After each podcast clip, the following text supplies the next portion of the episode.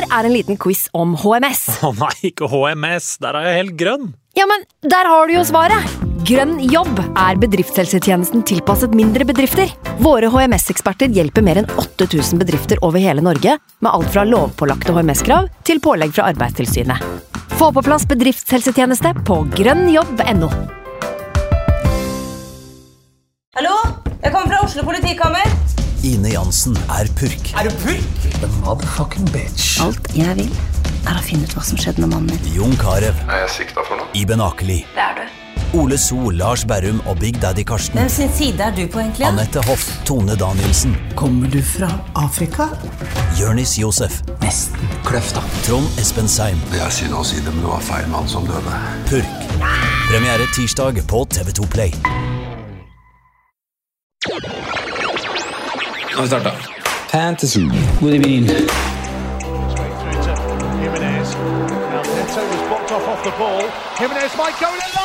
God evening.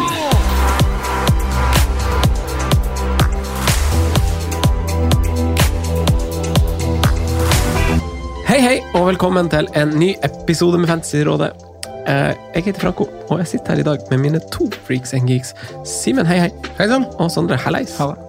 I dag har vi besøk av Norges nest beste sjakkspiller. Velkommen, Jon Ludvig. Tusen takk. Er du Norges nest beste sjakkspiller? Jeg mener det, men eh, ratinglistene mener noe annet. Ja. De er ikke til å stole på. Nei, haters gonna hate. Norges nest beste sjakkspiller i Norges nest største fantasy Premier League-podkast. Bra. Ja, det, Det begynner å bli fest. Ja, fest. For, en, for en dag. Du, Vi får alltid en del spørsmål Jon Ludvig, når du kommer på besøk, fordi folk er veldig glad for at du kommer hver sesong til oss, så det får sin obligatoriske hyllest eh, i sosiale medier. Men Bjørn Rudsagen, vår venn og podkastlytter nummer én i Norge, spør om du har spist noen gode ostefri pizza i det siste? Pleier du å spise ostefri pizza? Ehm, jeg, jeg spiser ikke så mye pizza, men når jeg spiser pizza, så er de uten ost. er det sant? Hvorfor det? Uh, fordi at jeg liker ikke ost. Altså, du, du spiser pizza uten gulrøtter, hvorfor gjør du det? Ja, for det er liksom litt mer med normen, da. At, eh, at det, Ok, så det er det det går på. Man må følge stemmen. Nei. Jeg, Sett den til veggs, er veldig fan av at du går litt motstrøms, men det er jo bare en veldig unormal ting å gjøre. Ikke, ikke foretrekke ost på pizza. Men det handler om at du ikke liker ost. Men det er mer unormalt å spise gulrot på pizza enn å spise uten ost. Så jeg, nå begynner jeg å gå ganske lei av den der Å, Jon Ludvig spiser ikke ost-greien. Eh, Så nå kan vi heller starte en Jon Ludvig spiser gulrøtter på pizzaen sin. Det, det kan vi gjøre. Jeg, jeg har For det gjør du. Du spiser gulrøtter på pizza. ja. Nja, når den er hjemmelaget. Men det er den som regel hvis jeg spiser pizza. Fordi at Hva, hva er en perfekt Hva har du på en hjemmelaga pizza? uh, Gulrøtter, uh, paprika, løk, uh, tomat, uh, saus um, og eh, noen ganger eh, brokkoli. I tillegg Det var en uh, sunn variant. Det er det jo, da. For all del. For all del. Men jeg har aldri hørt den, hørt den eh, praten før. Nei, Den er ikke så lik pizzaen min.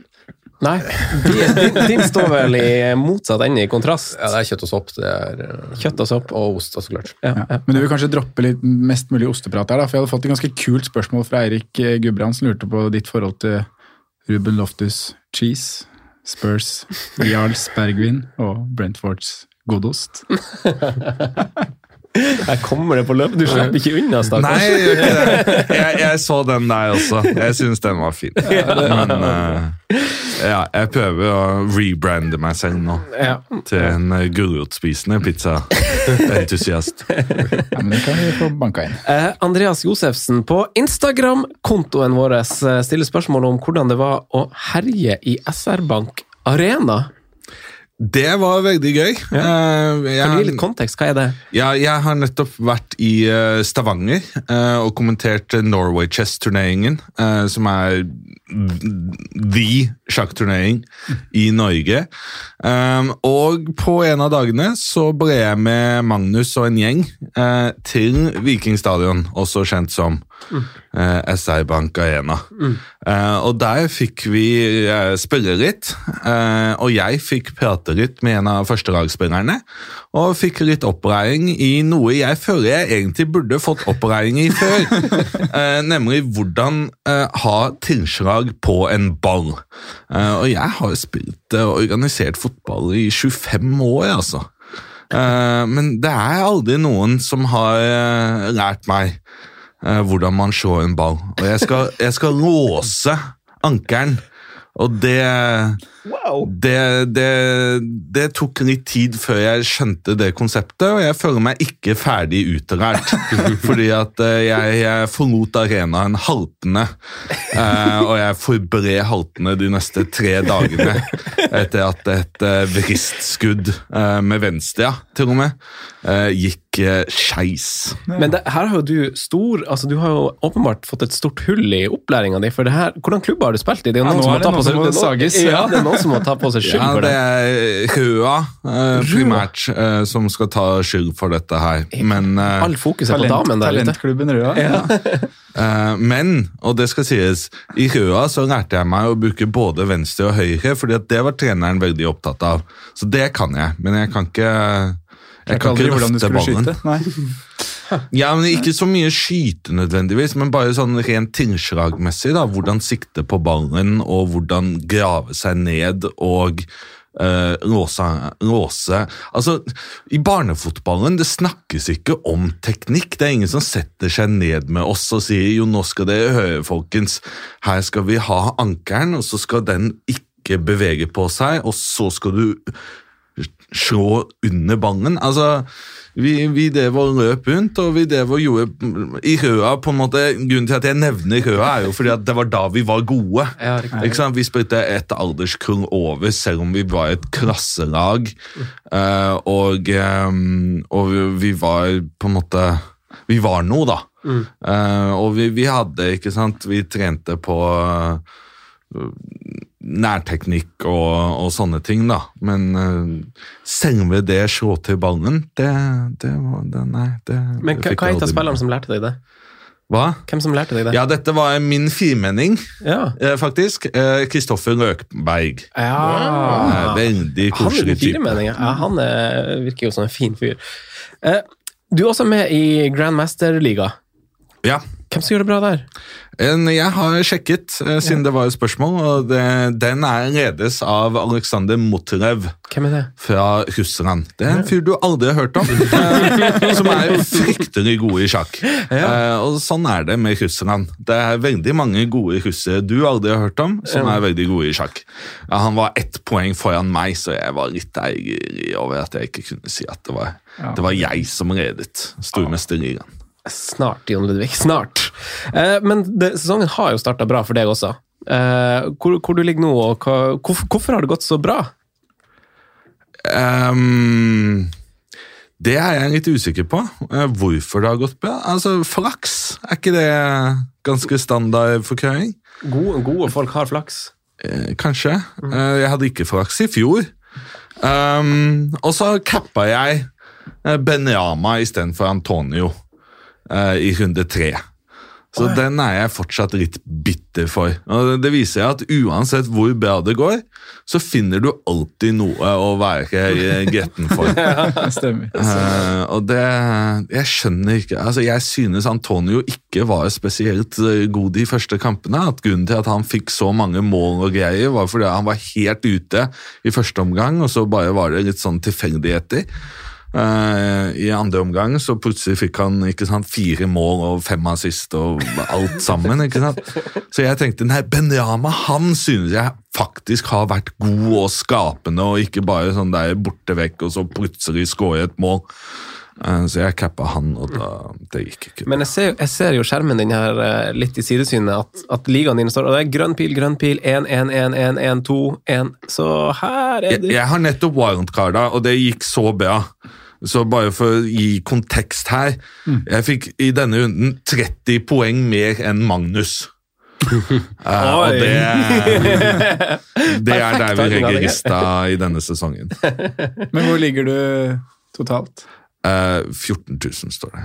14 000 000. Eh, Simen, du også wildcarda denne runden. Eh, Hvordan, eh, hvordan gikk runden for deg, og hvor, hvor endte du med wildcard? Er du fornøyd? Egentlig så er jeg veldig fornøyd med der jeg satte opp eh, wildcardet, men eh, når du akkurat har wildcardet enda med, ender med ti mann, så er det jo noe som har skjedd feil.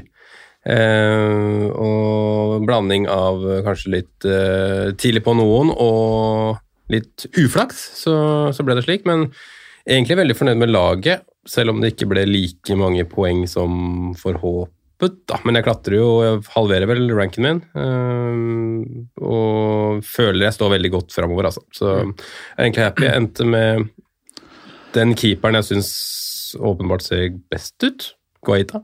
Eh, endte med dobbel Liverpool, Robertson, Trent. Ingen av de starta. Eh, Trent var jo ingen som kunne gardere seg mot den. Ble jo sjuk på kampdag og var i tropp, så Robertson burde jeg kanskje venta med, men ja. Endte med Livramento, Marsal. Sp- Spiller du fantasy uten Sara? Nei, det er på forsvaret mitt jeg nå. Oh, ja. eh, det hadde vært. så endte jeg med det en som gjør det, så det han. endte jeg selvsagt med Salah, Salah kaptein. Jeg hadde med meg Ismaila Sarr. Faktisk undervurdert. Eh, underbetalt, mener jeg, denne runden her, selv om han eh, fikk, eh, fikk to kasser. Eh, men veldig happy med å være der, selvsagt. Rafinha, Demarai Gray, eh, Sissoko som siste, og så fronttrio på Jimenez, Ronaldo, Patrick Bamford. Så egentlig er jeg veldig fornøyd med det, det jeg har satt opp, men det hadde jo selvsagt vært en, en stor differanse om man hadde for eksempel gått Rudiger istedenfor James. Eh, ja. Men jeg står fortsatt på at jeg tror James er det beste valget. altså. Hvor mange poeng ble det? Sa du det? 71 med Timan. 71 med Eh, det er jo, det er jo tre, Salah-treff og Ismail Azari som på en måte eh, treffer, da. Ja. Jeg må nå innrømme jeg har identisk eh, angreps Uh, nier som deg. Ja, har du det, ja? Ja. Men du traff litt bedre i bakre rekke der, ser jeg. Ja, nei, det, det, det var jeg, jeg, jeg har ikke hørt på podkasten deres, jeg lover. Jeg, jeg er ikke bare sånn som heimer. Men uh, ja. Ja, Men hvem har du bak, da? Jeg, jeg har jo Cancelo, da. Ja, fint. og, så fikk jeg inn White for Trent. Uh, og så har jeg Semedo og Schmeichel. Eh, Og Schmeichel i mål, ja. Ja. Fiffig løsning. Det var Hvorfor det? Det, det har jeg spurt meg selv denne helgen. Eh, og ikke helt funnet svaret på. Um, jeg tror jeg bestemte meg for et tidspunkt at det, at det skulle være gøy med fantasy. Så jeg vurderte veldig Martin 15 også. Eh, og på en måte jeg tok hit forrige runde på Ronaldo. Det var egentlig da jeg bestemte meg for at nå, nå skal det være gøy å se på fotballkamper. Nå skal det liksom være noe litt utover laget. Eh, og så hadde jeg i bakhodet da på Schmeichel at uh, han er jo så rå på straffer. Eh, Men den logikken fikk jo et skudd for baugen da eh, de fikk denne vanvittige straffen. Eh, hvor han fyren bare holdt ned og klarer ikke å komme seg opp, og dermed han uheldigvis havner med, med armen i veien. Og da, da fant jeg ut at nei, det var ikke så gøy å ha en keeper hvor du regner med at poengene skal komme som strafferedninger. Nei, poeng. Eh, og det, det, det, det gikk ikke så bra, da. Eh, jeg, hadde, jeg hadde en eh, runde hvor jeg, i hvert fall uttrykt for dere gutter, og sikkert folk som lytter på podkasten, en runde jeg var litt redd for å gå inn i. Jeg frykta litt det verste. Uh, det ble ikke så ille som jeg trodde, og det har vært en slags sånn berg-og-dal-bane, for jeg sa jo på Patrion-samtalen vi hadde, Simen, at jeg kom til å wildcarde dersom vi får noe Westham-nytt. eh, fra ja, Europa League-kampen. Ja. Eh, og da fikk vi jo vite etter fristen at Ben Rama var usikker. Mm. Eh, og da var jeg sånn faen, det skulle være wildcard, for nå får jeg bare ti folk, liksom. Eh, men så spilte han jo, så da var det liksom plutselig en opptur igjen, og han skårte, og alt var som normalt. Alt var som normalt. Eh, så, så jeg- fikk på 62 poeng. Det er å dette fra 65 til 75 i en runde hvor jeg kanskje frykta å liksom havne på sekssifra. Så jeg er egentlig fornøyd, og jeg syns det er et godt eksempel og For jeg tror kanskje jeg hadde datt litt lengre hvis jeg hadde tatt Altså, Dem jeg edger ut, tror jeg er dem som tok minuspoeng og sånn, f.eks. Mm. Eh, og det var jeg jo fryktelig nær ved å gjøre sjøl. Altså, jeg hadde veldig lyst til å sette på Semedo, men der hadde jeg, måtte jeg lese på egne kjøreregler som jeg sett før sesongen, at det tar ikke minuspoeng for forsvarsspillere, mindre med bare har to. Så jeg droppa å sette på han, og hvis jeg hadde visst at Ben Rama var skada, så hadde jeg tatt hit for han, sikkert. hvis jeg ikke hadde valgt, så... Da hadde du kanskje puttet på Sarr? Nei, vet du hva? Jeg, jeg, nei, jeg hadde satt på Rafinha. Ja. Det, faktisk. Jeg hadde det her SAR-dilemmaet tidligere, og valgte jo Adama Traoré for et par runder siden. Vi snakka jo opp til runde fire, at hvis du liksom skal ha SAR noen gang, så starter liksom perioden nå mellom landslagspausene, og da hadde jeg det valget, og da droppa jeg. For da så ikke Watford så god ut etter første, men nå har de møtt Norwich, og Sondre, du kan jo gjerne ta, ta din runde, og så kan du ta agenda, og så kan du fyre i gang synsundersøkelsen når du er klar for det. Skal gjøre det. Men sa du byttet ditt? Eller? Eh, bytte, jo, eh, bytte med Hva var det igjen, da? Calvert til Ja, jeg bytta ut Calvert Lewin og satte inn på Raúl Jimenez. Ja, riktig. Mm, det gjorde jeg. Det gjorde jeg. det gjorde jeg. Ja, nei, men eh, OK pluss her òg, altså. 67 poeng. Um, og ja, får jo en Simikaz fra benk der Trent er, eh, der Trent er ute, så helt fint, det. Og så byttet jeg gjorde, var jo Der går jeg ganske minus, men eh, likevel et bytte jeg ville gjort igjen, og som jeg følte var riktig, både med tanke på Tony sin, sin levering så langt, og ikke minst kampprogrammet de skulle inn i, da. med med en ganske tøff rekke som kommer nå, men jeg kasta Tony for Patrick Bamford. Eh, Så tapte jo bra poeng på denne runden her, men jeg, jeg tror det kommer til å utjevne seg i løpet av de neste fem, seks, syv Vi er ikke langt unna 1 pluss 1 på Bamford heller, da. Vi er ikke det. Vi er ikke det i det hele tatt. Eh, han sklir vel når han er alene gjennom der, så det burde blitt mer fra han. Uh, Sto jo veldig med det samme dilemmaet som sikkert du gjorde. Hvem skal inn for Calvert Lewin? Mm. Blir det Jiminez, blir det Bamford? Uh, var egentlig nærmest Jiminez lenge, i og med at jeg allerede sitter på Rafinha da, og føler at en dobling i Leeds kan bli litt, litt vel mye, sånn som de har sett ut så langt. Eh, men så har ikke Wolverhampton har jo sett bra ut, men det er det der evig Men Så du kampen nå? Hvilken av kampene?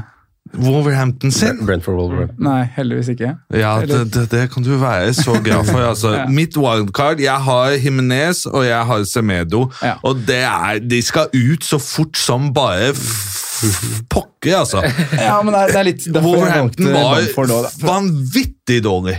Ja, det Eh, og eh, jeg skjønner ikke alle som har prata dem opp, og noen sier meg nå at det er skyldig i det, basert på det lille snakket jeg har hørt nå. Det, det var helt forferdelig. Men de, de var jo ganske gode i de første tre kampene. Ja, Det vet jo ikke jeg noe om, da. Jeg har sett denne kampen, og det var, det var ikke bra. Og det verste er at jeg så noen stats som sa at ja, Jimenez var fortsatt involvert i to store sjanser denne kampen. Og hvis dere har sett de samme statsene, bare hold dere unna. Wolverhampton var helt håpløse inntil motstanderen fikk uh, utvisning av uh, totalt uten grunn. Og deretter så var de kanskje med, men Himinez Jimenez han var redd for ballen. Og, og Semedo er første mann som blir plukket av banen uh, når, når, uh, når de går over til at uh, Jeg må innrømme, jeg skjønner ikke helt hva de gikk over til av formasjon, men han var første valg ut når de skulle ha på med angrepsspillere. Mm. det, de, de var skikkelig dårlige, altså. For det var derfor jeg ikke valgte de, Jon Ludvig? Ja. derfor jeg tok Bamford? Ja.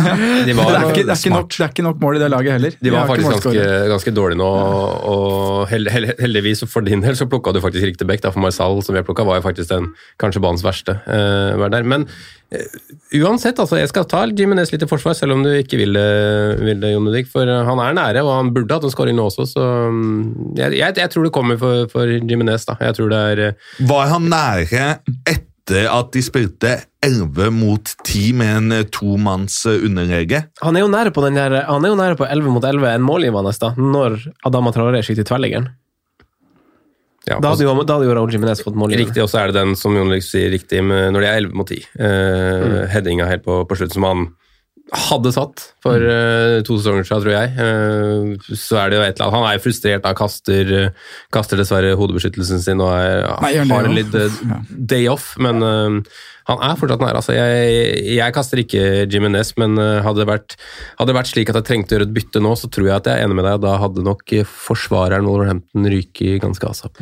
Satt jeg igjen, were, satt as jeg igjen på, på wildcard, kasta på Trevor Wolverhampton og er misfornøyd. Ja, Som- ikke så mange gjorde i fjor. Déjà vu. Ja. Eh, nei da, men eh, det er en liten grønn pil her, da, og 40, 40 000 overall nå, så står godt neste runde, så jeg er fornøyd. Dagens agenda. Vi har, det er en stor dag. Vi har ny spalte. Eh, alle lag har en spiller som bare godgjør seg i eh, eddikslake på laget sitt. Han må, han må vi gjøre noe med. Eh, Sylteagurken skal, eh, skal få kjørt seg. Vi skal finne ut hvilke spillere som erstatter eller kan erstatte ukas uh, sylteagurk. Eh, hvem sylteagurken er, det får dere i hoved, hoveddelen. Eh, etter vi har gjort det, så skal vi bestemme oss for hvilke eh, folk på midtbanen vi sier yay og nei til. Eh, vi har en liten liste med navn som er levert. Før det avslutningsvis blir litt wildcard-prat for de som ikke har brukt wildcard. Eh, vi skal da dra inn litt sånn premiumsprat i den, og drøfte litt for og imot tre premiums på laget. Avslutter med temaperrong i dag, Franco. Spennende, spennende, spennende. Mm. nå skal vi gå til synsundersøkelsen, men før det, Jon Ludvig, så har vi fått en litt sånn ønskereprise. Et spørsmål fra flere, flere lyttere. Nei. Nei. Nei. Jon, eh, Nei, Jon Langeland jeg, gikk jeg liker hit, uh, og jeg prøvde å forklare hvorfor på et tidspunkt, men nå er, nå er vi ferdig med det.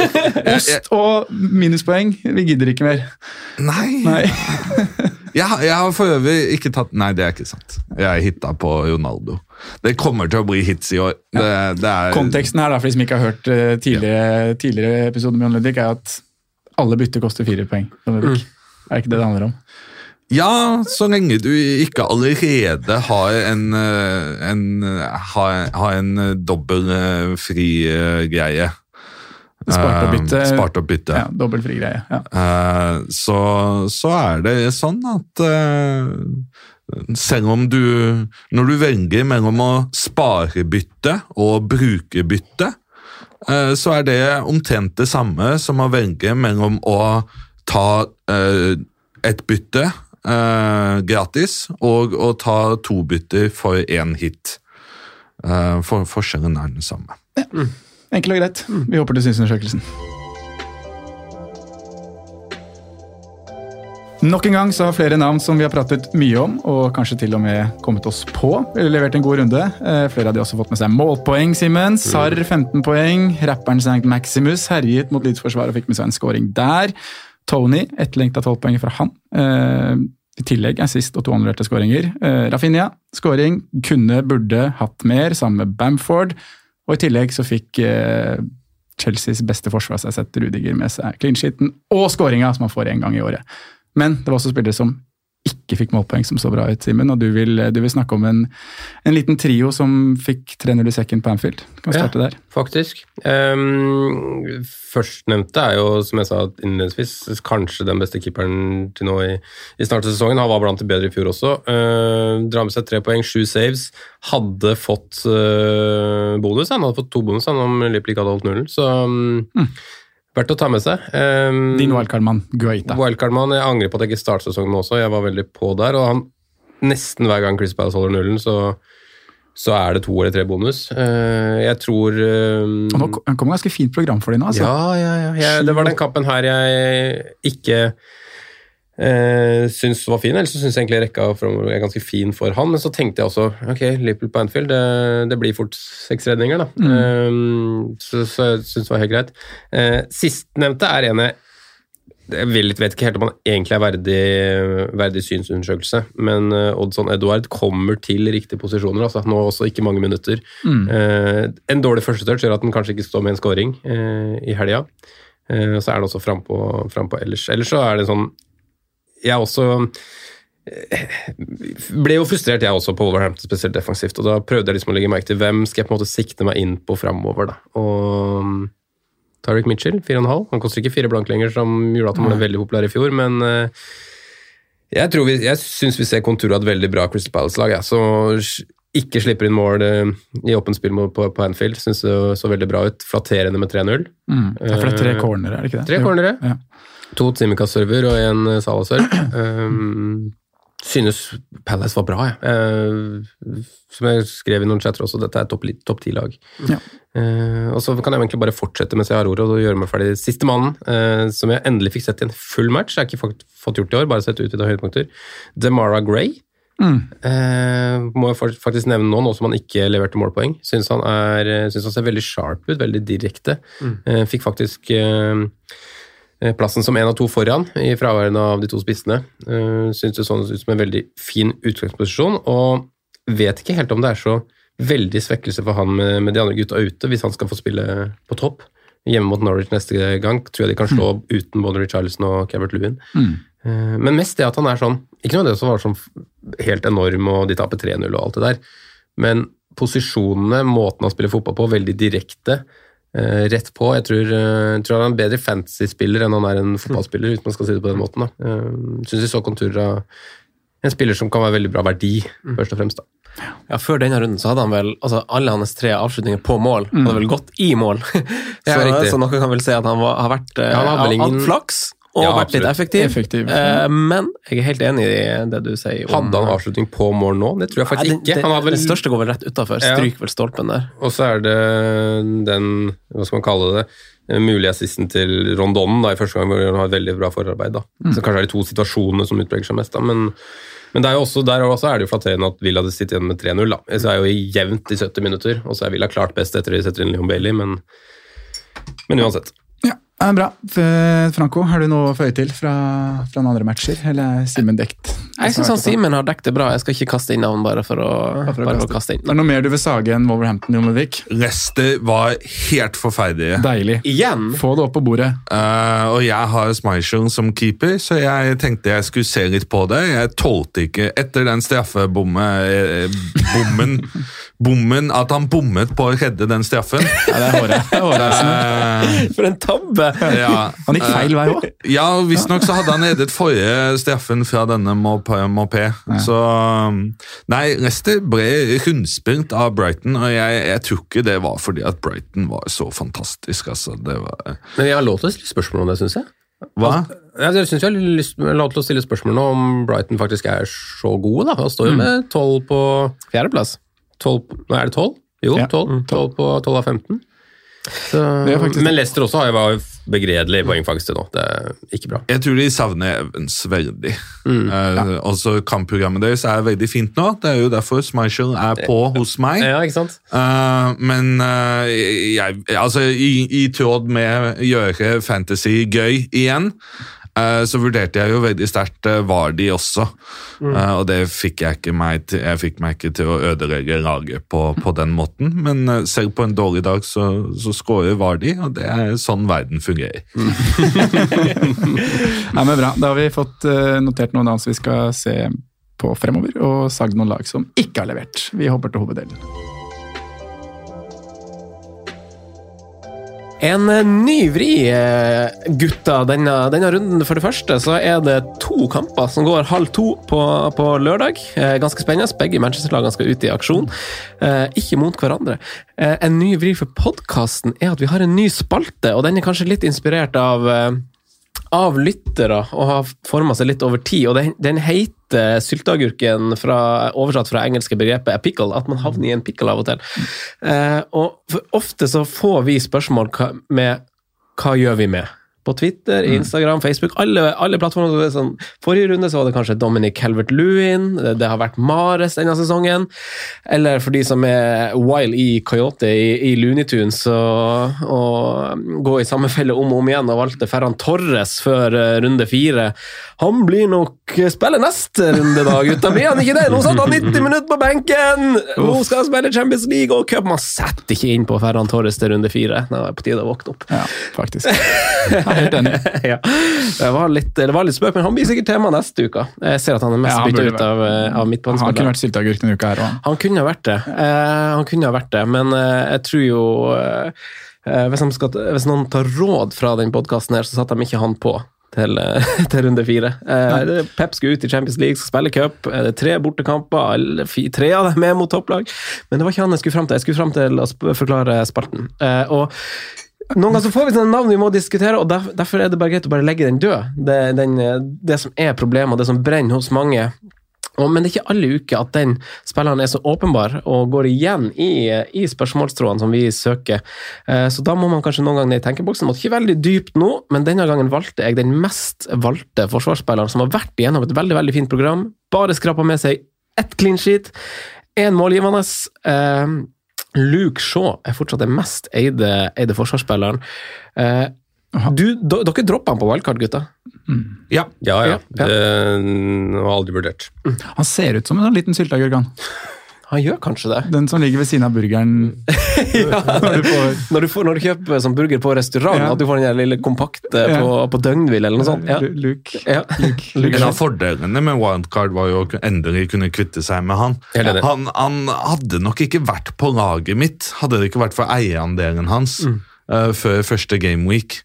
Uh, Det var helt like. Jeg sa det tydelig også flere ganger. Jeg var veldig redd for eierandelen og endte med å ta den med. Men av samme grunn så endte jeg også med Fernandes, og det angret jeg ikke på. Nei. så det går så opp og ned med, med å ta, ta hensyn til eierandel, men mm. når, når det ikke funker, når han ikke får til det, så, så er det bare å ta han av, og det, det lever jeg godt med. Han kommer helt sikkert til å være involvert offensivt, men det som også er sikkert, er at United kommer til å slippe inn mål.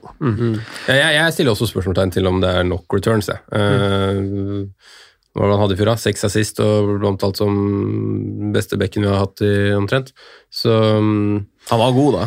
Shit, ja, han var, god, han som var god, han var veldig god i, god i EM, men, men det er for lite. Det er altfor lite, og vi trodde jo kanskje at United skulle få en voldsom impact med, med ny stopper og, og et fint program, men Varan er fryktelig god i fotball. ja, ja, ja, ja. Varan er Han er helt fantastisk de to første kampene. veldig bra, bra stopper, men eh, Likevel så slipper de inn mål. Ja, de slipper inn, slipper inn mål, og de ser ikke sånn veldig komfortable ut heller. Altså, ehm, de kunne slippe inn flere mot Southampton, de kunne slippe inn flere mot Westham. Altså, flere mot Newcastle Newcastle. hjemme òg var det jo Så, autobahn bak der. det, er, det er vel 30 spillere på disse første sidene når du velger en posisjon på, på fantasy. Han er vel akkurat med der, så han er vel, eh, det er vel 29 forsvarere da, som har levert bedre de første, første fem.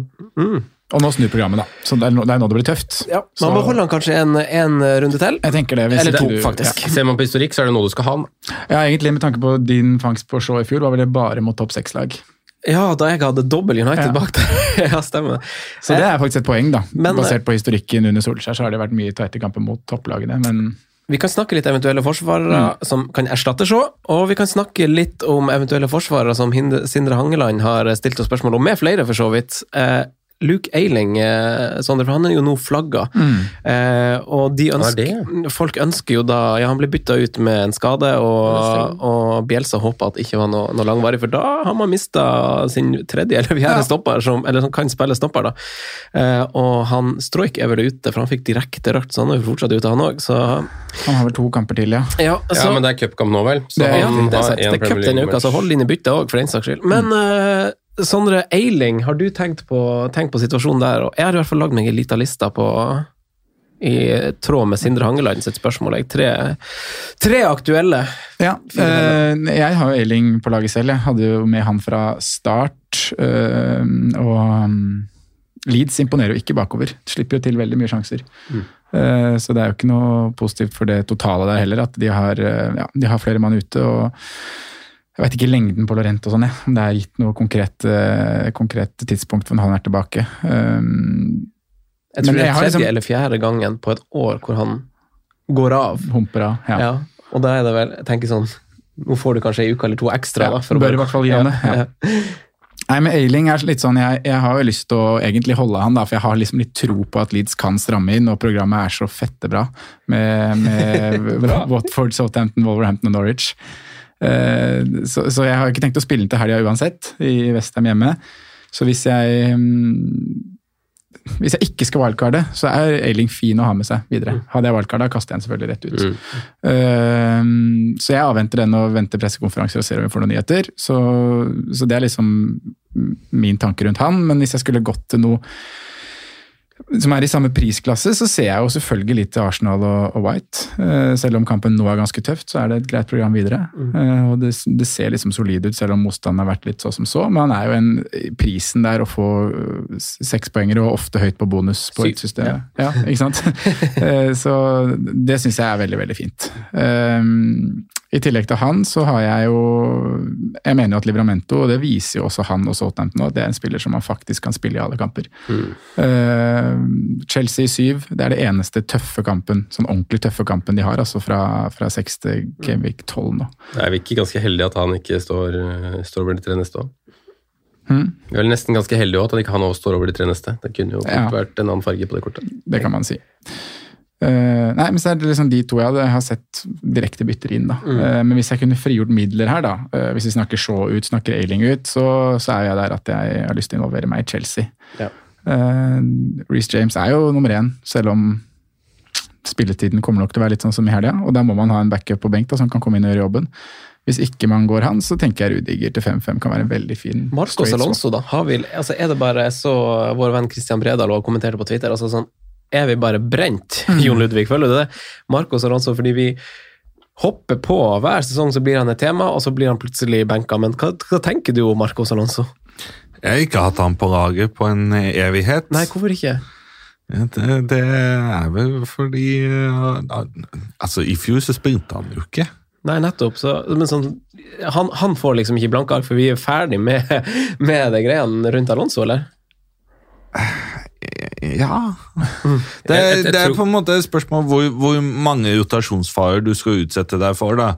Nå har jeg satt inn Cancelo, eh, og i så fall så er det på en måte Jeg tenker du må med rotasjonen til City og rotasjonen til Chelsea, og de er så gode forsvar, og de er så gode lag, eh, så det er spørsmålet har du lyst til å ha to rotasjonsfarer, eh, eller holder det med én? Jeg tenker kanskje det holder med én, og da mm, Basert på det som skjedde i går, så må jeg kanskje ta inn uh, Rydiger, da, mm. når den tid kommer. Eh, men, eh, men jeg vil ikke ha bekkene hos begge to, så du kanskje må velge mellom uh, Cancelo, James eh, jeg, jeg liker veldig godt Aspilicueta, da, men han er litt dyr. Uh, og, um, og Alonso. Jeg det, jeg tror det er nok nøkkelen her i det du sier med, antall rotasjonsfarer, og det var egentlig faktisk det jeg tenkte litt på, selv om det høres veldig dumt ut jeg sitter med ti mann denne runden her. Men jeg føler ikke at man kan Jeg syns det er for mye å gå Cancelo James, da. Jeg, jeg Ja, syns ikke ja, du kan hvis- gå begge de. Nei, og det. grunnen til at jeg på en måte tar med meg Robertson Trent, er for at jeg skal ikke ha den rotasjonsfaren. Jeg skal ha det hele veien, jeg skal ha det hver runde. Uh, og det tror jeg kommer til å få fra og med neste runde, da. Uh, og nå var det veldig, veldig typisk nå, men det er liksom antall rotasjonsfarer. Jeg tror veldig mange sitter inne med den feelingen av at det, selv om du setter inn Alonso nå, 38 poeng, så er de poengene, de poengene får, jeg, får jeg ikke igjen. Eh, og jeg vet at det kommer en dag hvor også Ben Chilwell skal spille fotball. for Um, han er jo en av ligaens beste venstrebacker, Ben Chilwell. Uh, jeg har jo meldt den som ligaens beste en gang, så jeg tror ikke vi som Vi vet at vi kommer til å brenne oss da, om vi går Alonso. Vi vet at vi, dessverre så får vi ikke de 38 poengene han står på nå. Vi, vi Men han var så god mot at Ja, han er mm. fantastisk. Og han er jo I den posisjonen, så er han jo Så lenge han spiller, så er han jo kanskje den mest interessante på hele spillet. Så lenge han spiller plass fast, men vi, vi er jo søren ikke sikre.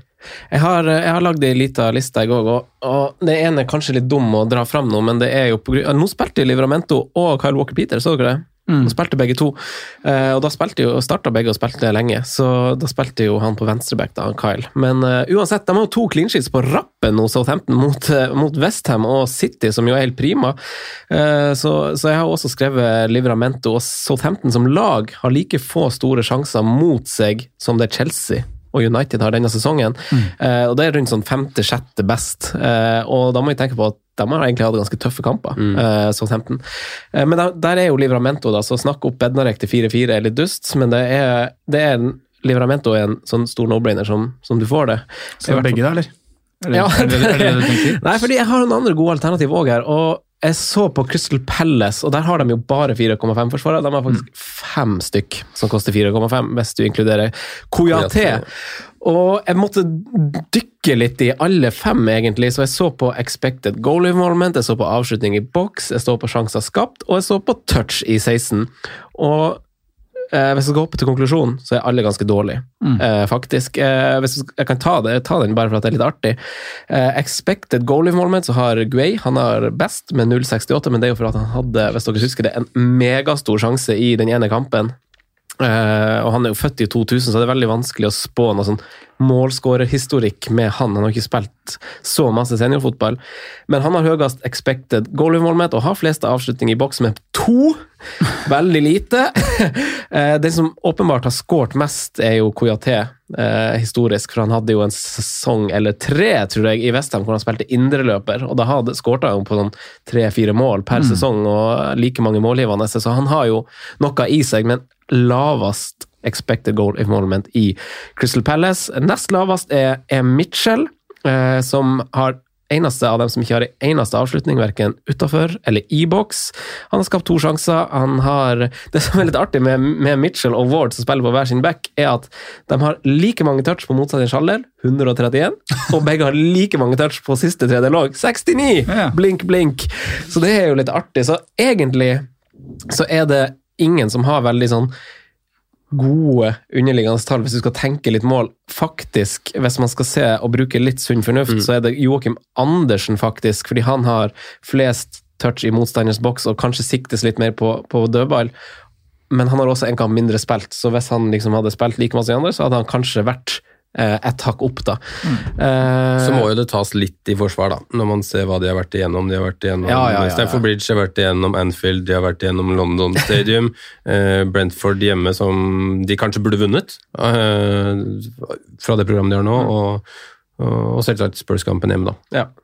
Nei, så Det er i hvert fall et lag å kikke til hvis man ikke skal ha keeperen. Hvis man skal ha dobbel, så tenker jeg de har så fine underliggende tall og et så fint program fra og med etter hvert at det kan vurderes. Eller så er det jo Arsenal eh, Sondre, som er mitt siste lag. To clean sheets på rad nå mot lag som jeg kanskje tror rykker ned.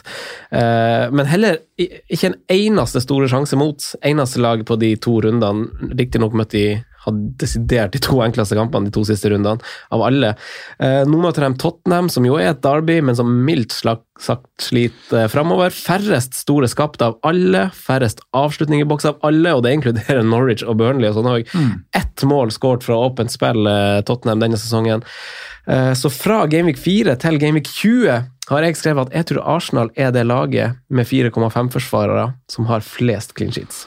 Eh, så til og med altså ut 2020, fra, fra og med Fra de to, 4. ja, fra Gameweek 4, så tror jeg Arsenal Arsenal bare ta med de to som har vært, og så si ja. ja, ja, ja, er. Det var da, det var da man skulle sette på Arsenal-forsvaret. Det var da man skulle begynne å spille White og sånn. Ja, Men vi. kan, kan godt ta det fra nå òg. Jeg tror også fra nå til, eh, til 1. januar, hvor de møter City, at, eh, at Arsenal holder flest clean sheets. Og de vil nok være i clean sheet-toppen av alle lag òg, tror jeg egentlig.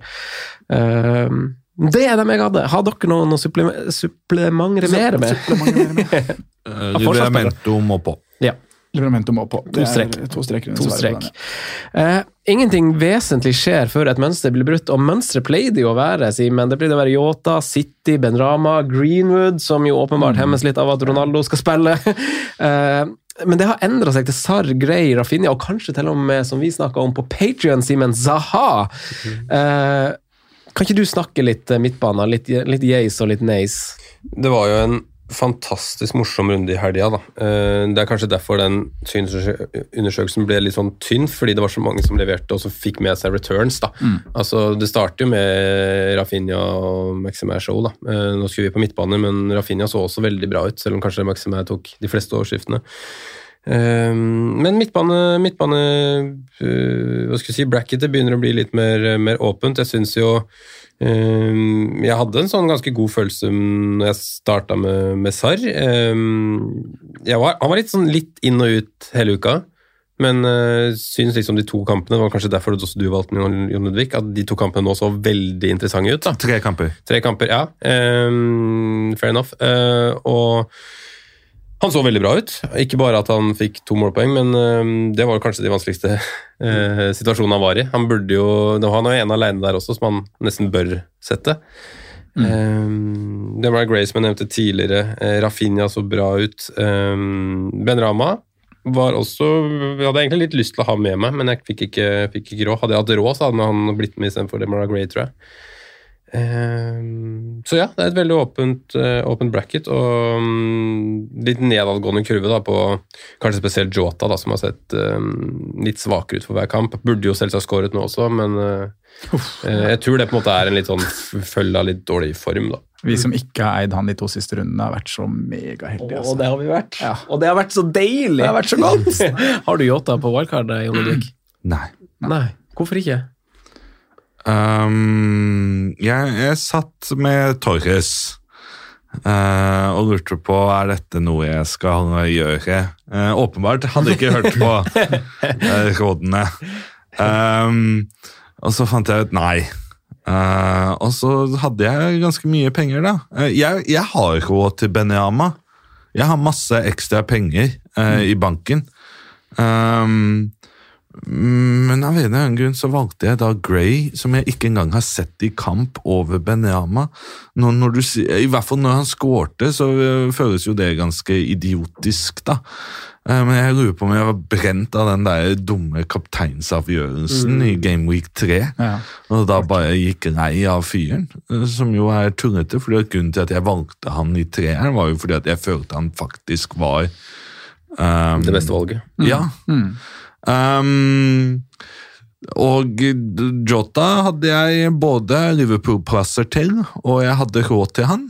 Uh, og jeg, jeg Jeg følte han var rotasjonsrisiko, og valgte at han eh, ikke skulle være med. Og så valgte jeg Holdt på å velge Ødegaard.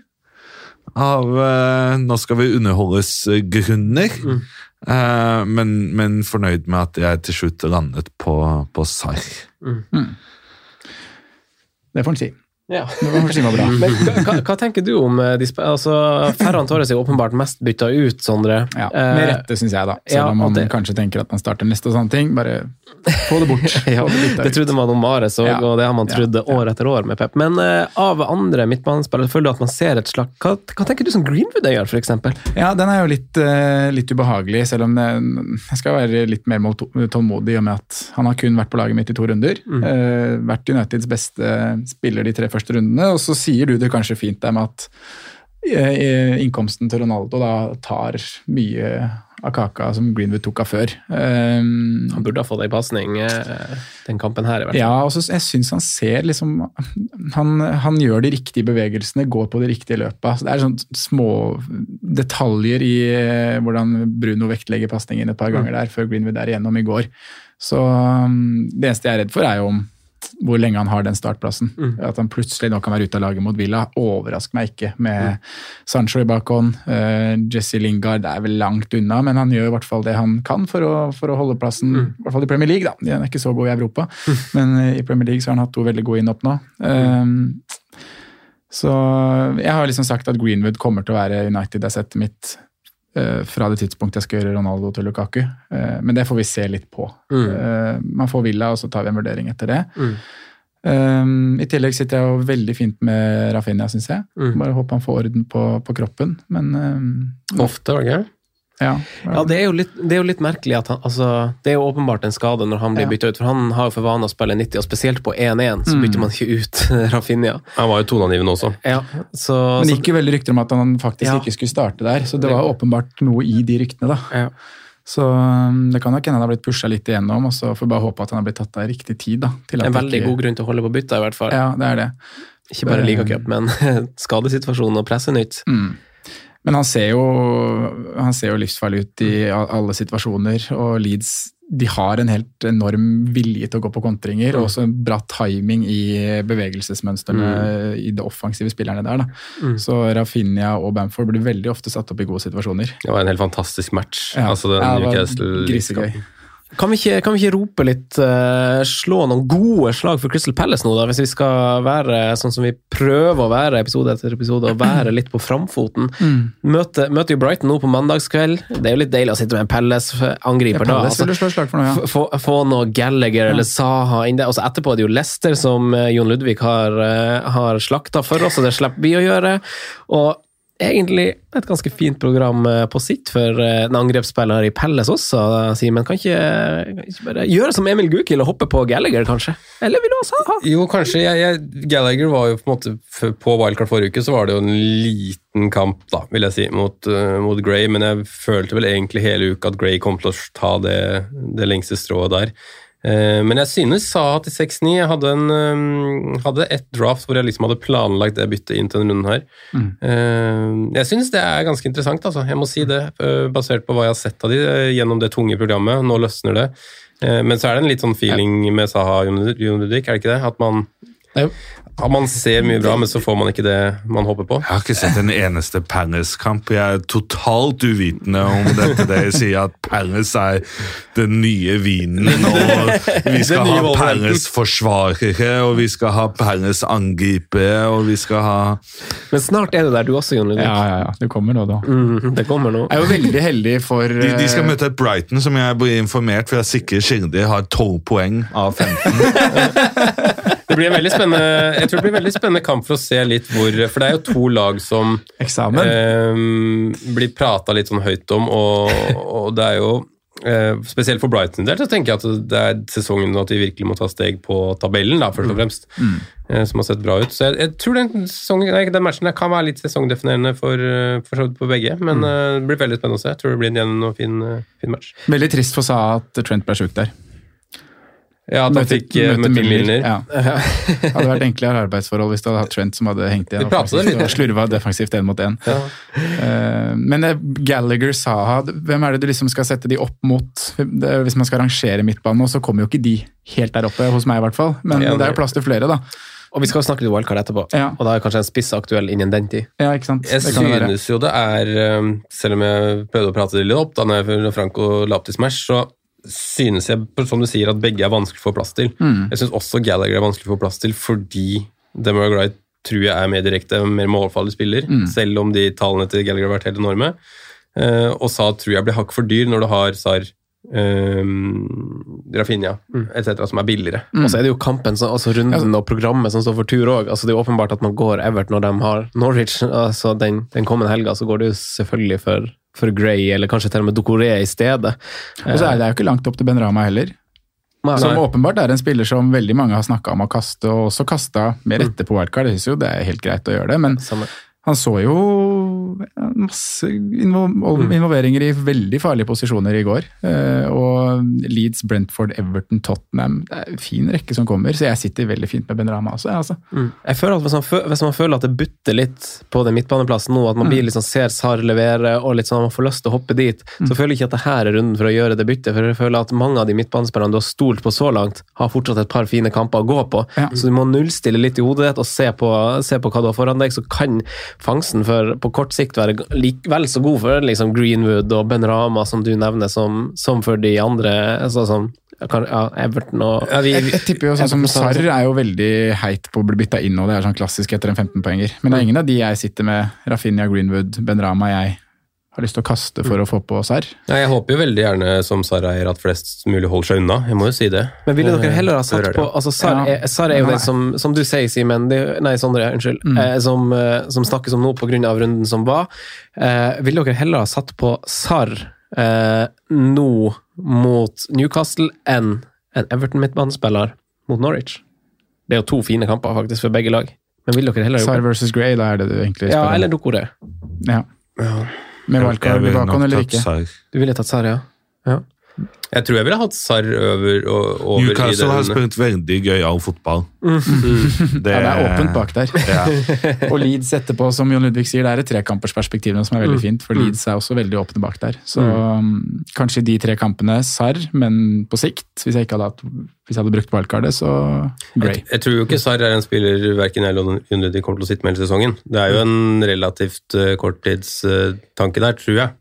Vi får vi se da, Hvis han plutselig er on fire og leverer alle de tre kampene, så tror jeg ingen av oss tør å kaste, kaste den heller. Det kan, det kan jo gli oss litt over inn i, inn i wildcard-praten, for det, da er vi liksom inne på sånn Ok, hvis man har et godt fundament bak med eh, Vi har fått eh, Det var en Sander Valde som også påpekte det vi snakka litt om i forrige uke, og det syns jeg var bra. Det med å ha de her stabile forsvarerne bak. Så hvis man ser på poengfangsten hittil, så er det forsvarere før sesongen vi visste at kom til å ligge i poengtoppen, som nå har vel så masse poeng som midtbanespillere i, i samme prissjikte. Rydiger, det City, det er Liverpool. Eh, Det hadde vært ganske lett å gjette, men som har det gode fundamentet, så kan man leke litt på metten, metten midten eh, Simen. Eh, Men eh, hva, hva tenker du Jon Ludvig, om, om wildcard og kanskje Ronaldo, Lukaku, Sala? Hvordan stiller du deg til to versus tre premium? Um, jeg har jo nå gått uten Lukaku. Eh, det fungerte veldig godt i dag, eh, i går. Eh, det spørs om det kommer til å fungere veldig godt eh, i all evighet. Jeg har da tenkt å bytte Ronaldo med Lukaku. Eh, når eh, Ronaldos eh, fictures eh, slutter å være i hans favør, eller det vil si også når Lukakus starter for ham. Um, og da kommer jeg til å sitte uten en eneste United-spiller. Og det tror jeg er helt greit. Det er jo det vi kanskje må ta stilling til, eh, Sondre. For vi har jo snakka litt om Vi som ikke har brukt wildcard, og du har jo et ønske om å kanskje bruke det i runde åtte. Eh, fordi da er Altså Mange snakker om runde sju, og så er det runde åtte. Det er kanskje de to rundene det er snakk om for oss som ikke har brukt det.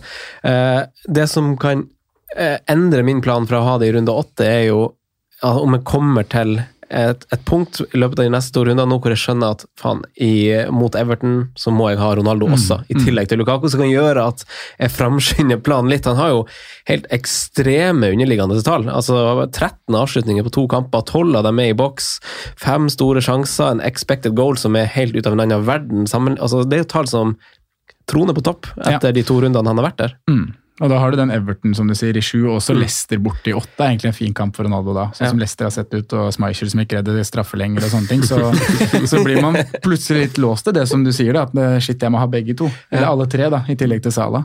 Og så er det så deilig med Lukaku at han er så enkel å forholde seg til i forhold til fantasy kapteinmessig og sånne ting. Altså Mm. leverer ikke mot øh, Nok en gang målløs i kall det toppkamp, da. Mm. Eh, og så banker inn mot øh, lagene som øh, hjemme, så han blir en hissig kaptein han hjemme mot Southampton i runde sju. Altså. Men det er en sånn vanskelig overlapping der. Det er veldig vanskelig mm. overlapping. Eh, og så Når man kommer til ni, så begynner man liksom å se at verdien i Ronaldo kanskje synker litt. da, Mm. eh, Når han skal opp mot Liverpool, Tottenham, City. Eh, Og så er det Chelsea igjen i 13, men Watford inni der, som jo er helt prima, om man plutselig har lyst til å eie igjen. Men den rekka der, så, så er jeg der at da da kan han vike, og også United er sett være ute av laget helt. Men hva tenker du om to versus tre? For det er jo en veldig stor snakkis. For eh, lyttere som ikke er på sosiale medier, så er det veldig sånn, uenighet i om det er, kan rettferdiggjøres å gå for to premiums, fordi du binder opp masse midler i en spiller som ikke kapteines, og det kan heller spres utover spillere som, som leverer eh, som en helhet. Hva, hvordan stilling tar du til det eh, når man ser framover nå, og du skal etter hvert wildcarde?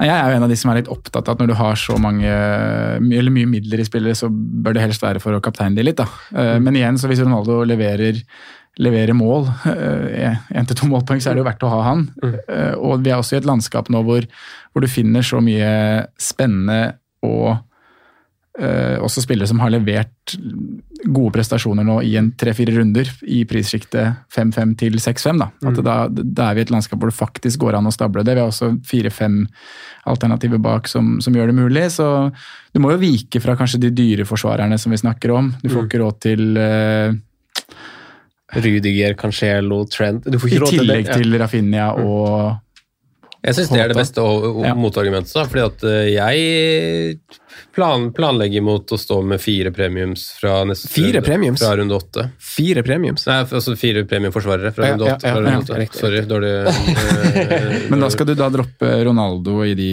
Da er det Ronaldo Jeg- som ryker etter Jeg har, Everton, da. står jo med Ja. tre nå da, som ikke spiller, og så tenkte jeg å gjøre det samme bytt som Jun Ludvig. Eh, Ronaldo til Lukaku, hente meg en million cirka. Det blir vel 09, eller kanskje Ronaldo får seg opp en til, altså jeg får en blank. Og så hente meg enda en forsvarer og kaste ut denne Wolverhampton-forsvareren og få inn på en skikkelig eh, kar. Hadde vært veldig deilig om Rudiger hadde stått rolig og til den tid også fått med seg han, men da blir det sikkert Christensen, da. Eh, å stå liksom med, med dobbel Liverpool, dobbel Chelsea i lang tid framover. Ja, det, dette syns jeg også virker som en fin tanke. og I hvert fall hvis man skal tenke på å dekke det fine kampprogrammet til Chelsea. at når det er et sånn midtbane altså Det er så masse bevegelse i hvem som starter og hvem som benker, så jeg kunne ha slått et slag for Mason Mount, men så spiller kanskje ikke han så like masse likevel. Så den her doble bak med, med Chelsea synes jeg er en kjempefin tanke som supplement til, til Lukaku. Men hva som gjorde at du, Jon Ludvig, trigga wildcard? Hadde du en plan for at du skulle trigge det til denne runden, eller var det en spesiell situasjon som gjorde at det ble sånn? Planen var vel egentlig å gjøre det tidligere. uh, men så avventet jeg litt, grann, og så Nå var det bare på tide, fordi at det, det var jeg må, jeg må innrømme, jeg husker ikke helt hva det var som var problemer, men eh, det, det var et par problemer, da. Um, Antonio um, Kevin De Bruyne, kanskje?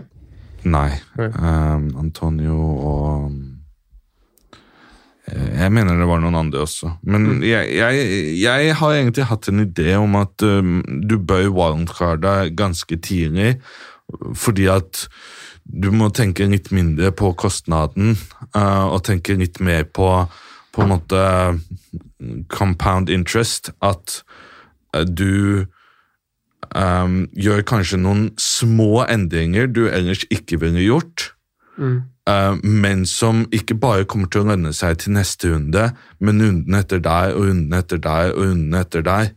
Og, og hvordan de, de små endringene faktisk utgjør en veldig stor forskjell. Mm. Fordi med en gang sesongen starter, så har du vanvittig mye mer informasjon Mm. enn en da du plukket laget. Mm. Um, så så jeg, jeg, jeg, jeg, hadde planlagt å wildcarde tidligere enn det jeg gjorde.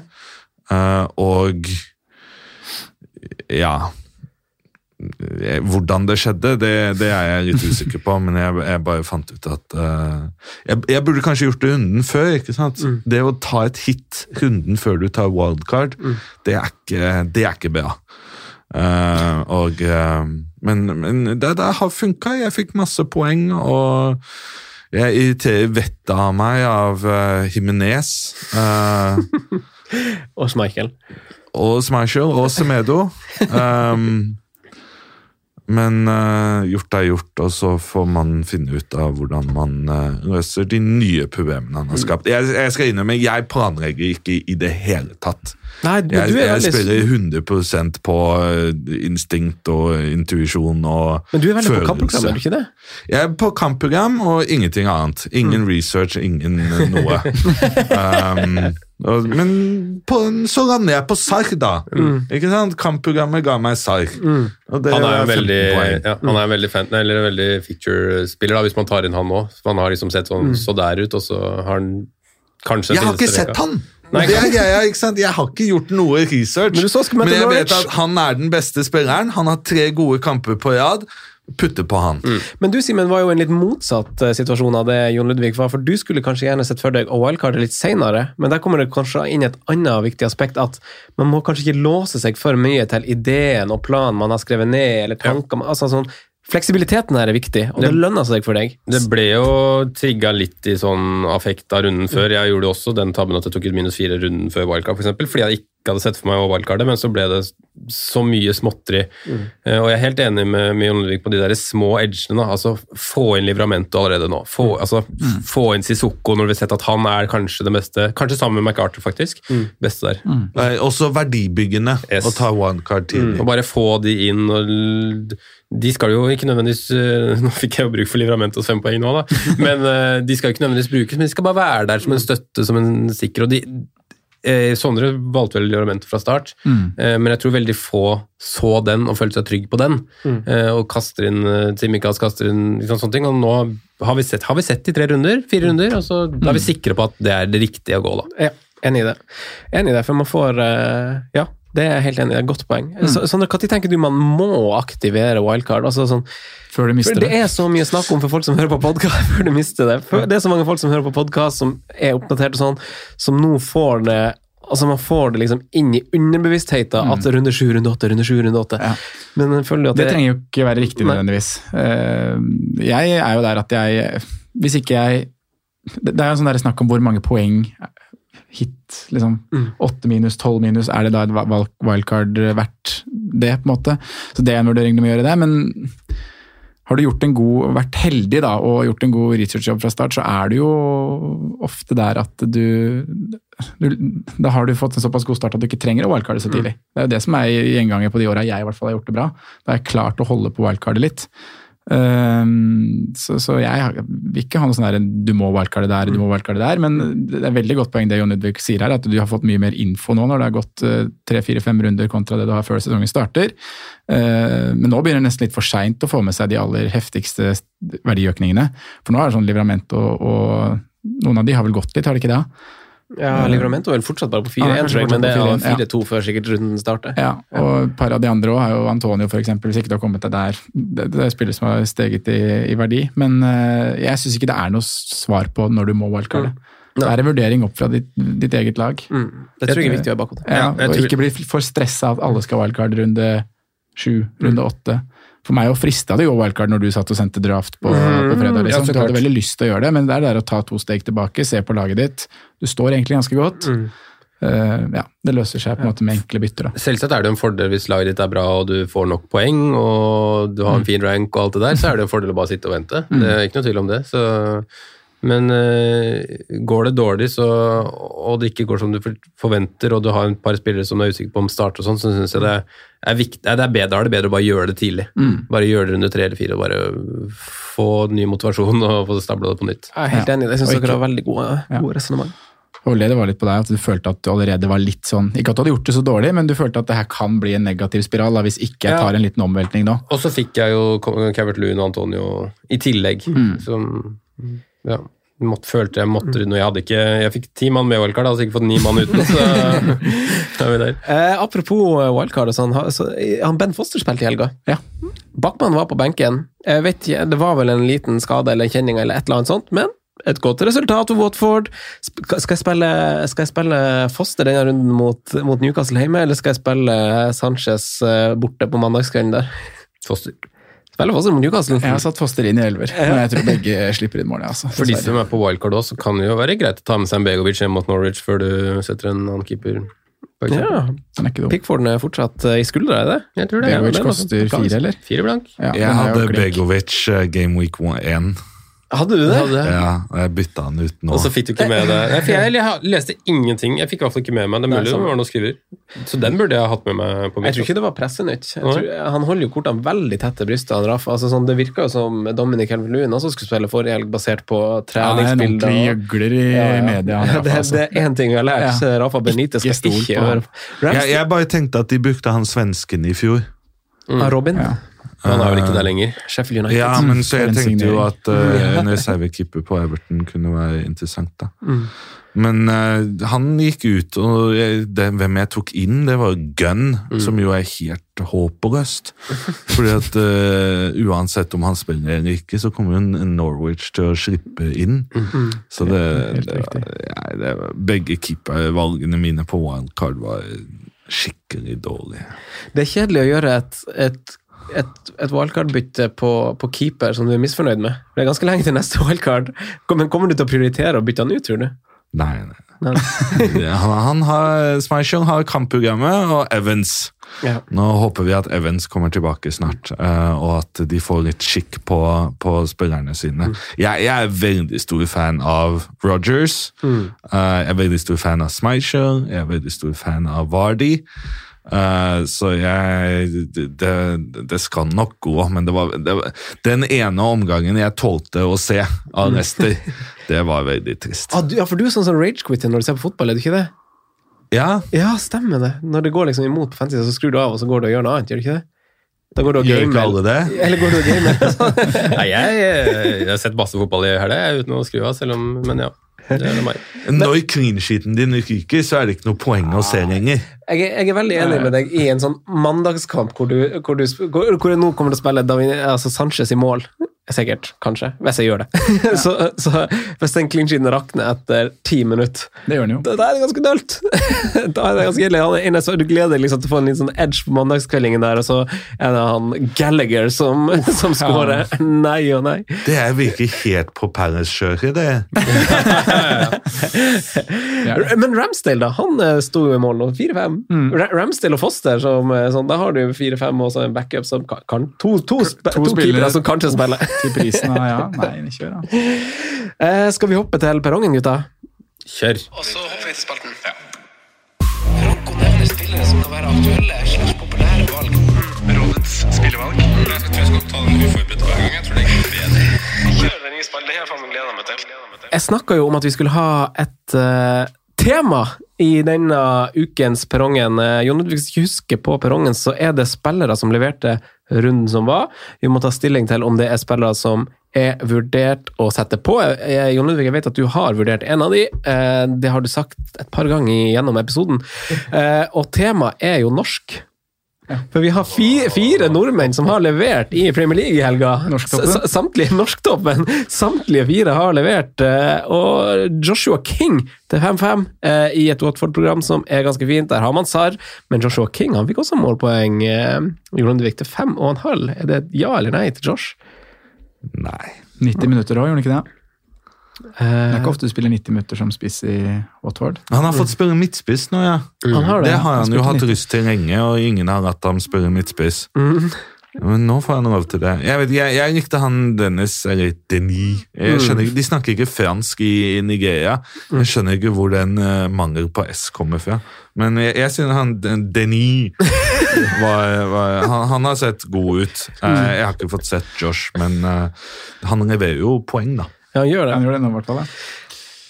Simen, alternativ eh, til, eh, til Sara, da. Sier du ja eller nei til eh, Han øh, gjorde en veldig bra match etter at jeg ros, eller, øh, var litt negativ i forrige runde, så han er nærmere nå, men Ikke lov å le på hjernen, du. Jeg har det, har det faktisk sett på Rosen. uh, fa- fantastisk program. Um, nei, det blir, det blir et nei. Det blir et nei, ja.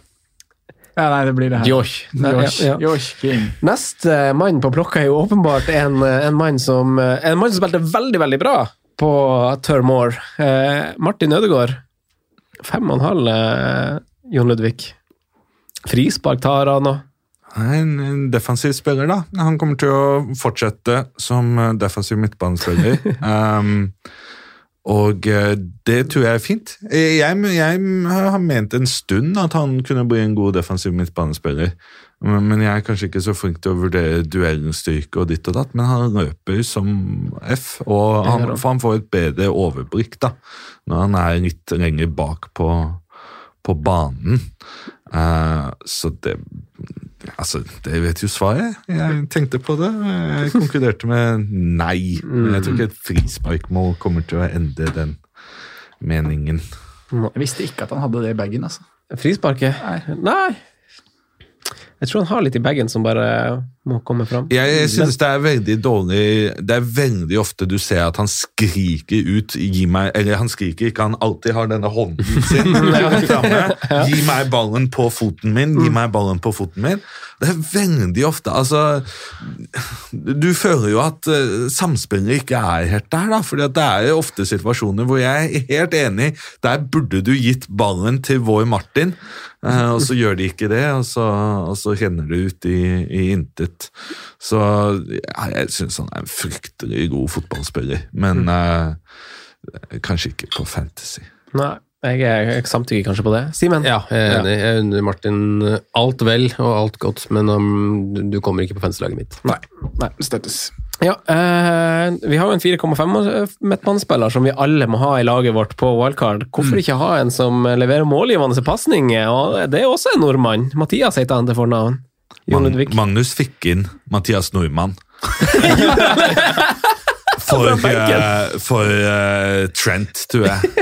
Gjorde han det? Han gjorde det. det. Det er noe av det verste jeg har vært borti. Altså. Men du tok han allikevel på 20 poeng på runden, ikke det? Eh, 30? 30, ja. Nei nei. Er det fortsatt, er det fortsatt Sissoko på wildcard? Ja, Hvis ikke du skal ha to, da.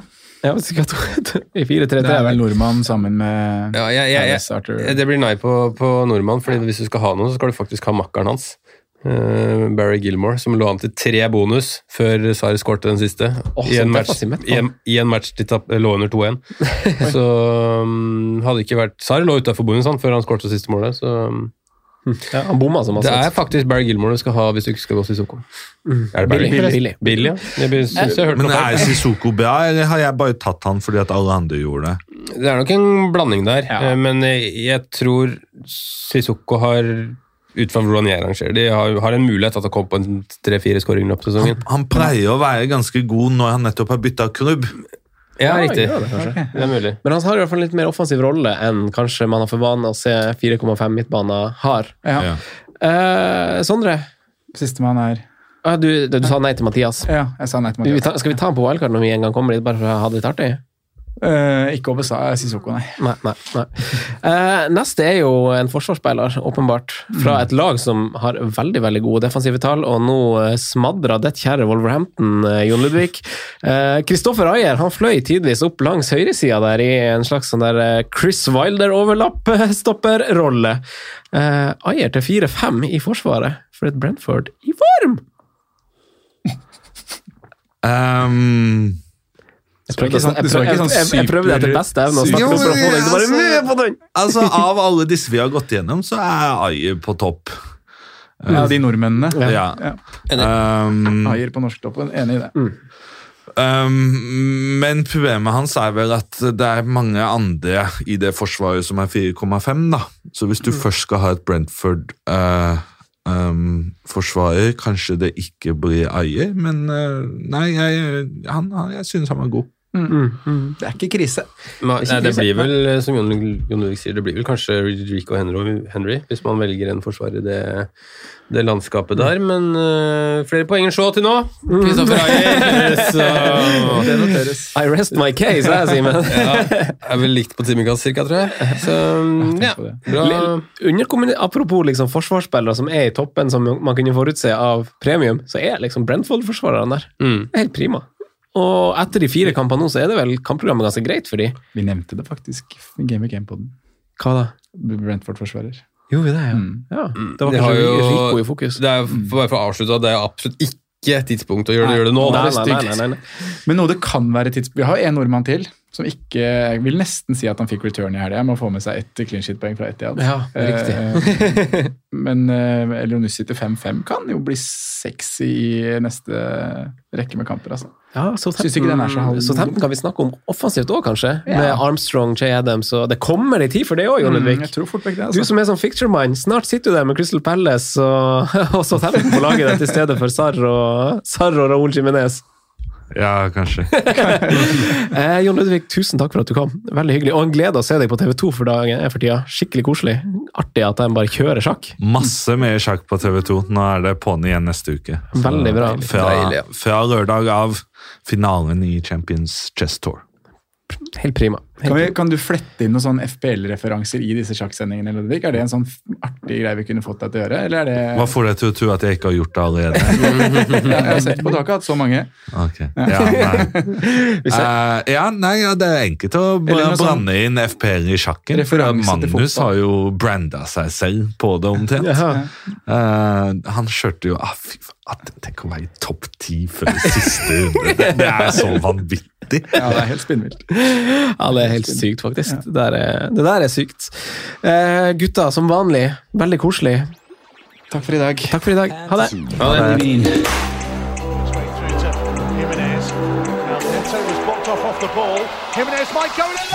Good through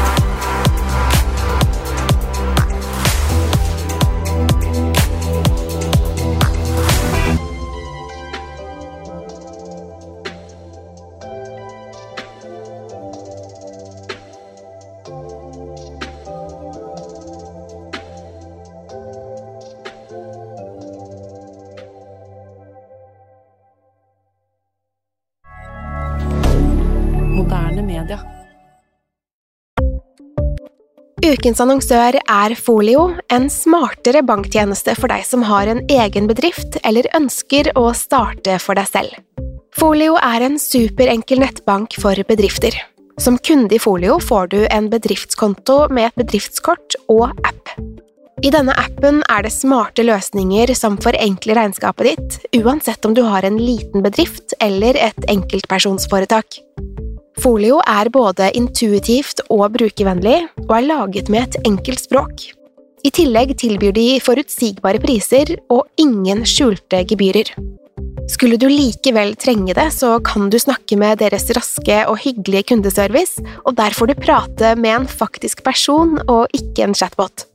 Folio er med andre ord både enklere og koseligere enn banken. Over 10 000 bedrifter har allerede valgt Folio som sin banktjeneste, så besøk folio.no og se hvordan Folio kan forenkle din hverdag også.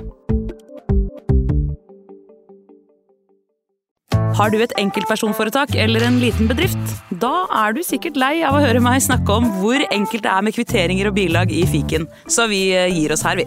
Fordi vi liker enkelt. Fiken superenkelt regnskap.